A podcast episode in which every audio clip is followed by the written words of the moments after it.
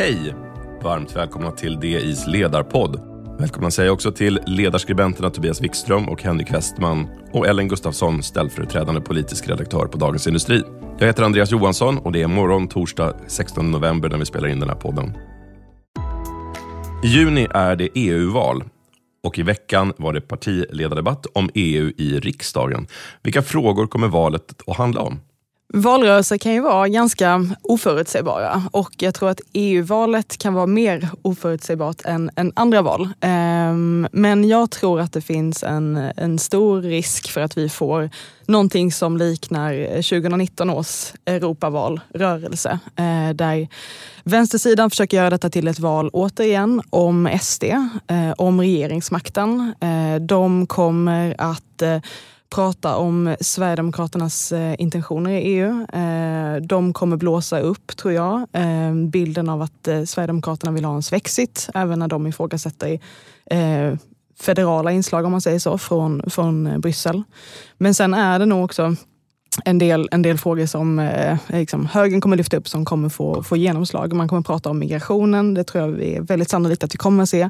Eh, kriminaliteten, eh, det lyfte statsministern upp nyligen. Eh, det lyfter moderata Europaparlamentariker upp. Eh, just det här att den är gränsöverskridande och att om vi ska hantera den så behöver man göra det gemensamt i unionen. Eh, så att, eh, och sen eh, Liberalerna lär väl kanske försöka få det till en, till en euro-valrörelse. Eh, eh, är nog också ganska sannolikt och det tror jag att de gör, gör rätt i. Men, men eh, problemet är att om det bara är Liberalerna som, vill, som är beredd på det, då kanske det blir en liten enkelriktad debatt. Det finns ju en risk att de stora partierna ryggar för den frågan och då kan de säga att euron är inte en fråga för Europaparlamentet och nu väljer vi ledamöter, svenska ledamöter till Europaparlamentet så det här är ingen valfråga. Om det är så att Moderaterna och Socialdemokraterna inte är så sugna på det här så kan de ju ta till det argumentet. Mm. Men samtidigt så tror jag att eh, många förknippar... Alltså, valrörelse till Europa, Europaparlamentet handlar inte nödvändigtvis alltid om Europaparlamentariska frågor så att säga. Eh, och eurofrågan ligger trots allt, eh, det handlar om Sveriges roll i unionen och det är en fråga som är väldigt viktig idag. Eh, och eh, faktum är att eh, Liberalerna har, eh, har ett lägre stöd om man säger så, i opinionen än vad eh, det är väljare som vill ha euron. Så att om man kan eh, hämta väljare i den frågan så, så är det nog någonting som kommer gynna dem. Jag tror att de kommer försöka det. Eh, Liberalerna gick ut häromdagen också meddelade att de ska inrätta ett eurokansli till exempel. Det tror jag man ska se som ett, ett tecken på att de kommer i alla fall försöka eh, sig på att göra detta. Även om andra partier kanske inte kommer vara lika sugna på att ta den debatten. Utom möjligtvis Sverigedemokraterna. Och är det något annat parti än Liberalerna som överhuvudtaget har tagit i eurofrågan? Nej, jag tycker väl inte riktigt det. De är ju det enda parti som kan göra det utan att utan att överhuvudtaget behöva ta hänsyn till någon intern opinion eller att deras väljare eller sympatisörer skulle misstycka. Därför att det är ju en fråga där, där Liberalerna har profilerat sig och där de, de, har ju, de har ju den här frågan i sitt DNA så att säga. Så det, det är ju inget problem för dem. Men, men om de inte möter ett motstånd eller för den delen ett eh, samtycke från andra partier då, då blir det ju lite dålig resonans på det. Mm. Med tanke på den svaga kronan och, och, och just eurodebatten, då, borde fler partier våga sig närmare den här frågan? Jag tror att de kan ju, om inte annat kanske tvingas göra det om det är så att Liberalerna ligger på i den här frågan. Eh, och eh, det, jag tror att det är någonting som kommer att eh, eh lyftas fram av media ju närmare valet vi kommer. Eh, och då kanske man helt enkelt faktiskt tvingas från de andra partiernas håll att, att ändå eh, närma sig den här frågan på ett annat sätt jämfört med vad man har gjort hittills. Man har ju egentligen helt avfärdat den. Eh, det är bara Liberalerna och Sverigedemokraterna som, som tydligt har sagt vad de tycker och tänker här.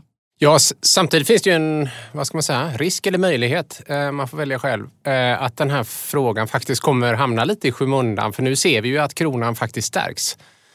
Eh, det har ju skett en ganska ordentlig eh, förstärkning den, den här veckan. Eh, började lite grann tidigare också eh, och man ser då hur fler investerare kommer tillbaka och framför allt då så har man kanske en större klarhet vad gäller eh, räntan i, i världen. Eh, att man faktiskt nu börjar närma sig toppen.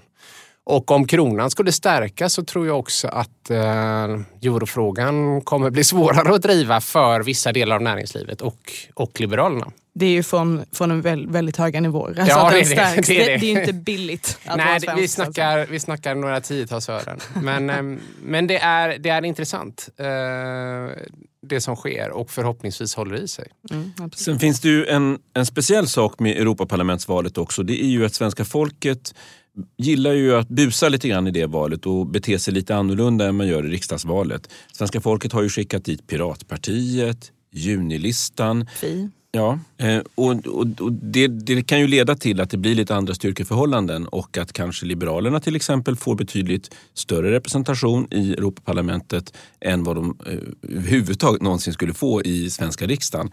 Eh, och eh, en del stora partier har gjort, har gjort sämre val där och så vidare. Så det är ju spännande på det sättet att, att, eh, att svenska folket kan få för sig att rösta lite annorlunda i det här valet. Det är ju roligt för oss som följer politik om inte annat. Det brukar ju gynna de mindre partierna. Men det ska bli spännande att se också lite grann på klimatfrågan eftersom att den har varit väldigt viktig i tidigare Europaparlamentsval. Nu är den ju i, i viss mån hanterad genom till exempel Fit for 55. Eh, så det ska bli spännande att se om den, om den fortfarande håller i sig som en viktig fråga eh, eller vad det är vi kommer att eh, få se. Men som sagt, det, förra, förra gången, 2019, så var ju abortfrågan som dök upp ganska tätt in på valet. Så att det finns ju utrymme här för, för jokrar om man säger så. Det kan vara frågor som dyker upp som man inte ser komma, som plötsligt blir väldigt viktiga för, för debatten och för, för hur väljarna röstar. Där det finns ett samhälle där finns det brott. Krimrummet är podden som tar brottsligheten på allvar. Jag bjuder in landets ledande experter och tar upp aktuella rättegångsfall för att begripliggöra den kriminalitet som kryper allt närmare. Du, alltså, du kan knäcka ett eller några gäng, men det kommer komma nya och så kan vi knäcka dem sen. Men att du ska knäcka allt forever, det kommer aldrig ske. Det är infinite gain. Lyssna på Krimrummet, en podd från Expressen med mig Kim Malmgren. Hej, Ulf Kristersson här. På många sätt är det en mörk tid vi lever i. Men nu tar vi ett stort steg för att göra Sverige till en tryggare och säkrare plats. Sverige är nu medlem i Nato. En för alla, alla för en.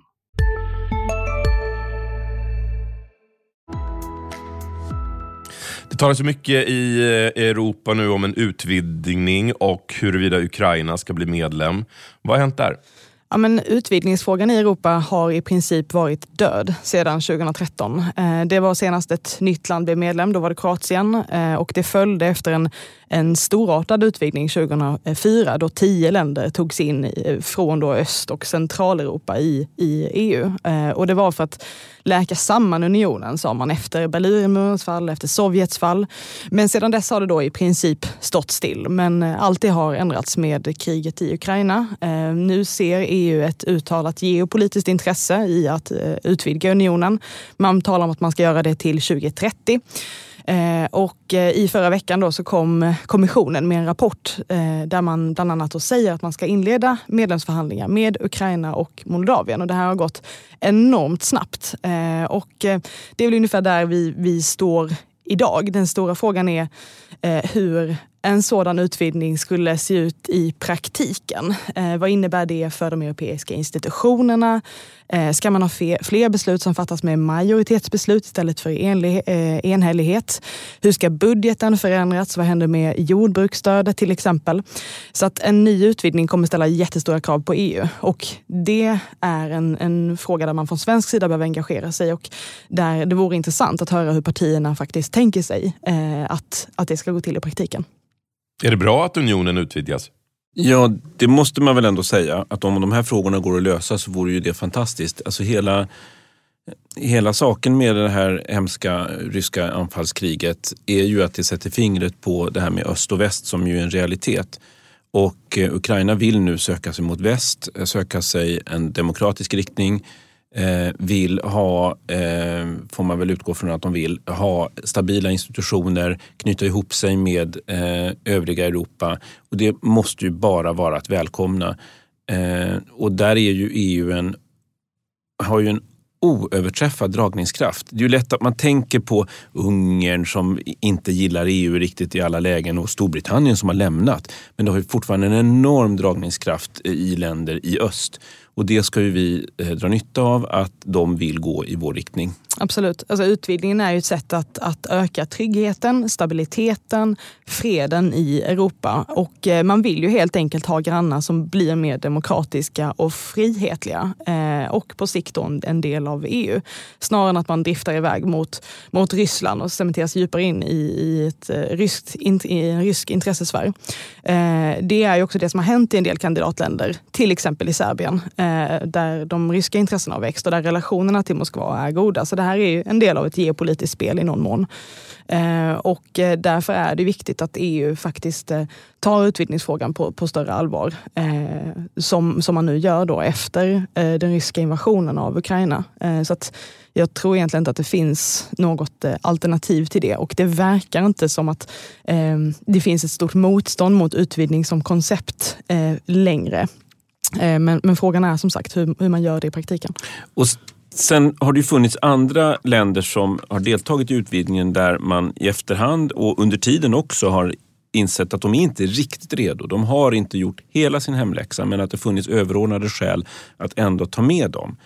Eh, och, eh, och det, det, har ju att göra med just de här sakerna, att det finns ett högre syfte med EU och ibland så kan man behöva lösa vissa problem efter eller under tiden. Vara pragmatiska och det är ju någonting som som EU faktiskt är rätt bra på att hitta nya lösningar eh, under tiden. Därför att EU är ständigt under, det är, inget, det är inte bara en klyscha utan EU är under ständig utveckling och förändring. Så är det. Ukraina har ju en hel del problem med korruption. Hur påverkar det och hur ska man hantera det?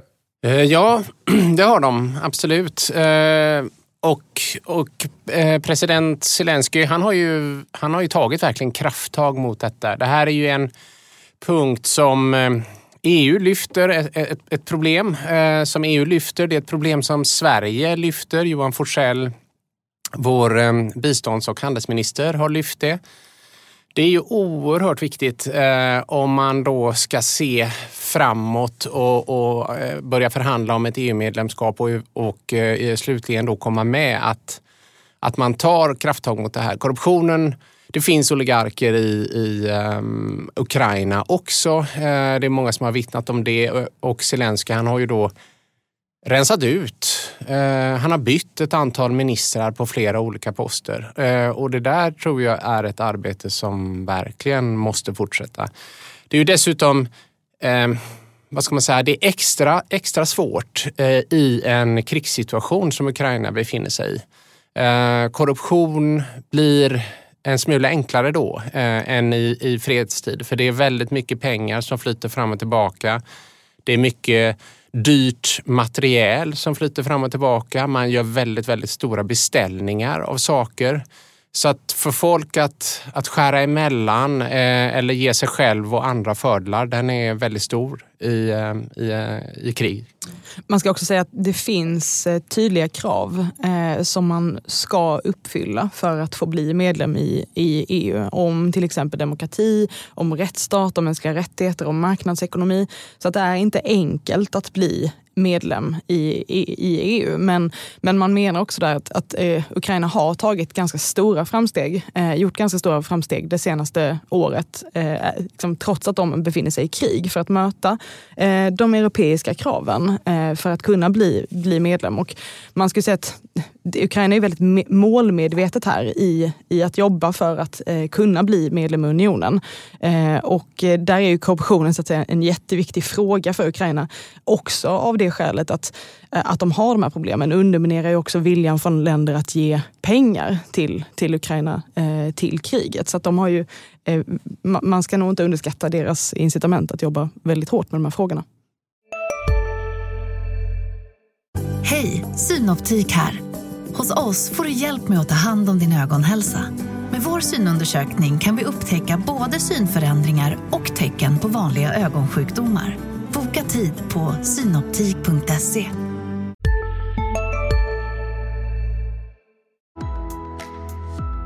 Vi skiftar ämne och eh, Chalmers rektor har beslutat att inte tillåta politiska manifestationer på campus för att värna arbetsmiljön, vilket har mött en hel del kritik. Är det rätt eller fel att göra på det här sättet? Jag tycker att Chalmers gör, gör helt rätt. Eh, man kan ju se att universitetet har blivit någon slags projektionsyta för kriget mellan Israel och Hamas. Det är egentligen inte bara i Sverige utan internationellt. Man har haft problem eh, med antisemitism till exempel på amerikanska universitet eh, med judar som uppmanas att inte använda huvudingången för att, för att det skulle kunna vara ett hot mot, mot deras säkerhet. Och I Kanada har man haft judiska skolor som har beskjutits flera gånger på, på en vecka. Så att, att göra det här steget då som Chalmers gör, det är ju ett sätt att i deras kontext i alla fall ta ner konfliktnivån. Eh, och de menar att det finns många medarbetare och studenter som känner sig otrygga. Eh, och det är klart att ledningen då har ett ansvar att se till att det går att studera, forska och arbeta där. Eh, det är ju ingen debattklubb så att säga. Ja, nej, jag, det, jag håller helt med Ellen. Sen samtidigt så det är ju många då eh, politiska studentföreningar som eh, rasar mot detta och tycker att det är ett hot mot demokratin i, i den kontexten. Eh, och ja, det, det, det, kan man ju kanske, det kan man ju kanske ha förståelse för den aspekten också. Men samtidigt så tycker jag att Chalmers rektor, han, han är ju väldigt tydlig med varför han gör det och det handlar om att värna arbetsmiljön och det handlar om att värna de studenter som så att säga eh, ja, kanske har judiskt påbrå eller, eller inte sympatiserar med den ena eller andra sidan här. Så att jag, jag, jag tycker också att det är klokt. Eh, och vi, vi ser ju det här, det här är ju som ett den här Chalmers-konflikten har ju blivit någon sorts mikrokosmos av en mycket, mycket vidare samhällsdiskussion där tonläget är makalöst högt. Konfrontationsnivån är jättestor eh, och det är, ju, eh, det är ju väldigt intressant faktiskt. Det finns ju en viss eh, romantik runt politiska manifestationer i universitetsmiljö. Man tänker liksom på Sorbonne 1968 där, där så att säga, det blev väldigt politiskt. Eh, och då tycker jag att man ska vara klar över att det Chalmers rektor tillsammans med studentkåren har beslutat det är ju att manifestationer och affischering. Och då, eh, att det är det det handlar om, inte diskussioner på något sätt. Inte debatter, inte seminarier om detta eller någonting sånt. Utan manifestationer och då tror jag de specificerade det med att sådana eh, tillställningar så att säga som man inte kan undvika. Alltså man passerar och så är det en manifestation inne på campus. Eh, i, efter, efter eh, att det här Gaza-kriget började så var det också en auktion på universiteten som eh, utannonserades som kallades då en walkout. Det vill säga att man vid en viss tidpunkt så skulle alla lämna sina föreläsningssalar och gå ut i protest mot detta. Och det är ju en typ av manifestation som åtminstone jag tycker är väldigt obehaglig. För den syftar till att eh, eh märka ut andra eh, personer, i det här fallet studenter, då, som är du med oss eller mot oss? Är du mot oss så är du så att säga fördömd. Och jag tycker att det är väldigt obehagligt med den typen av eh, vi och dem eh, åt, eh, manifestationer.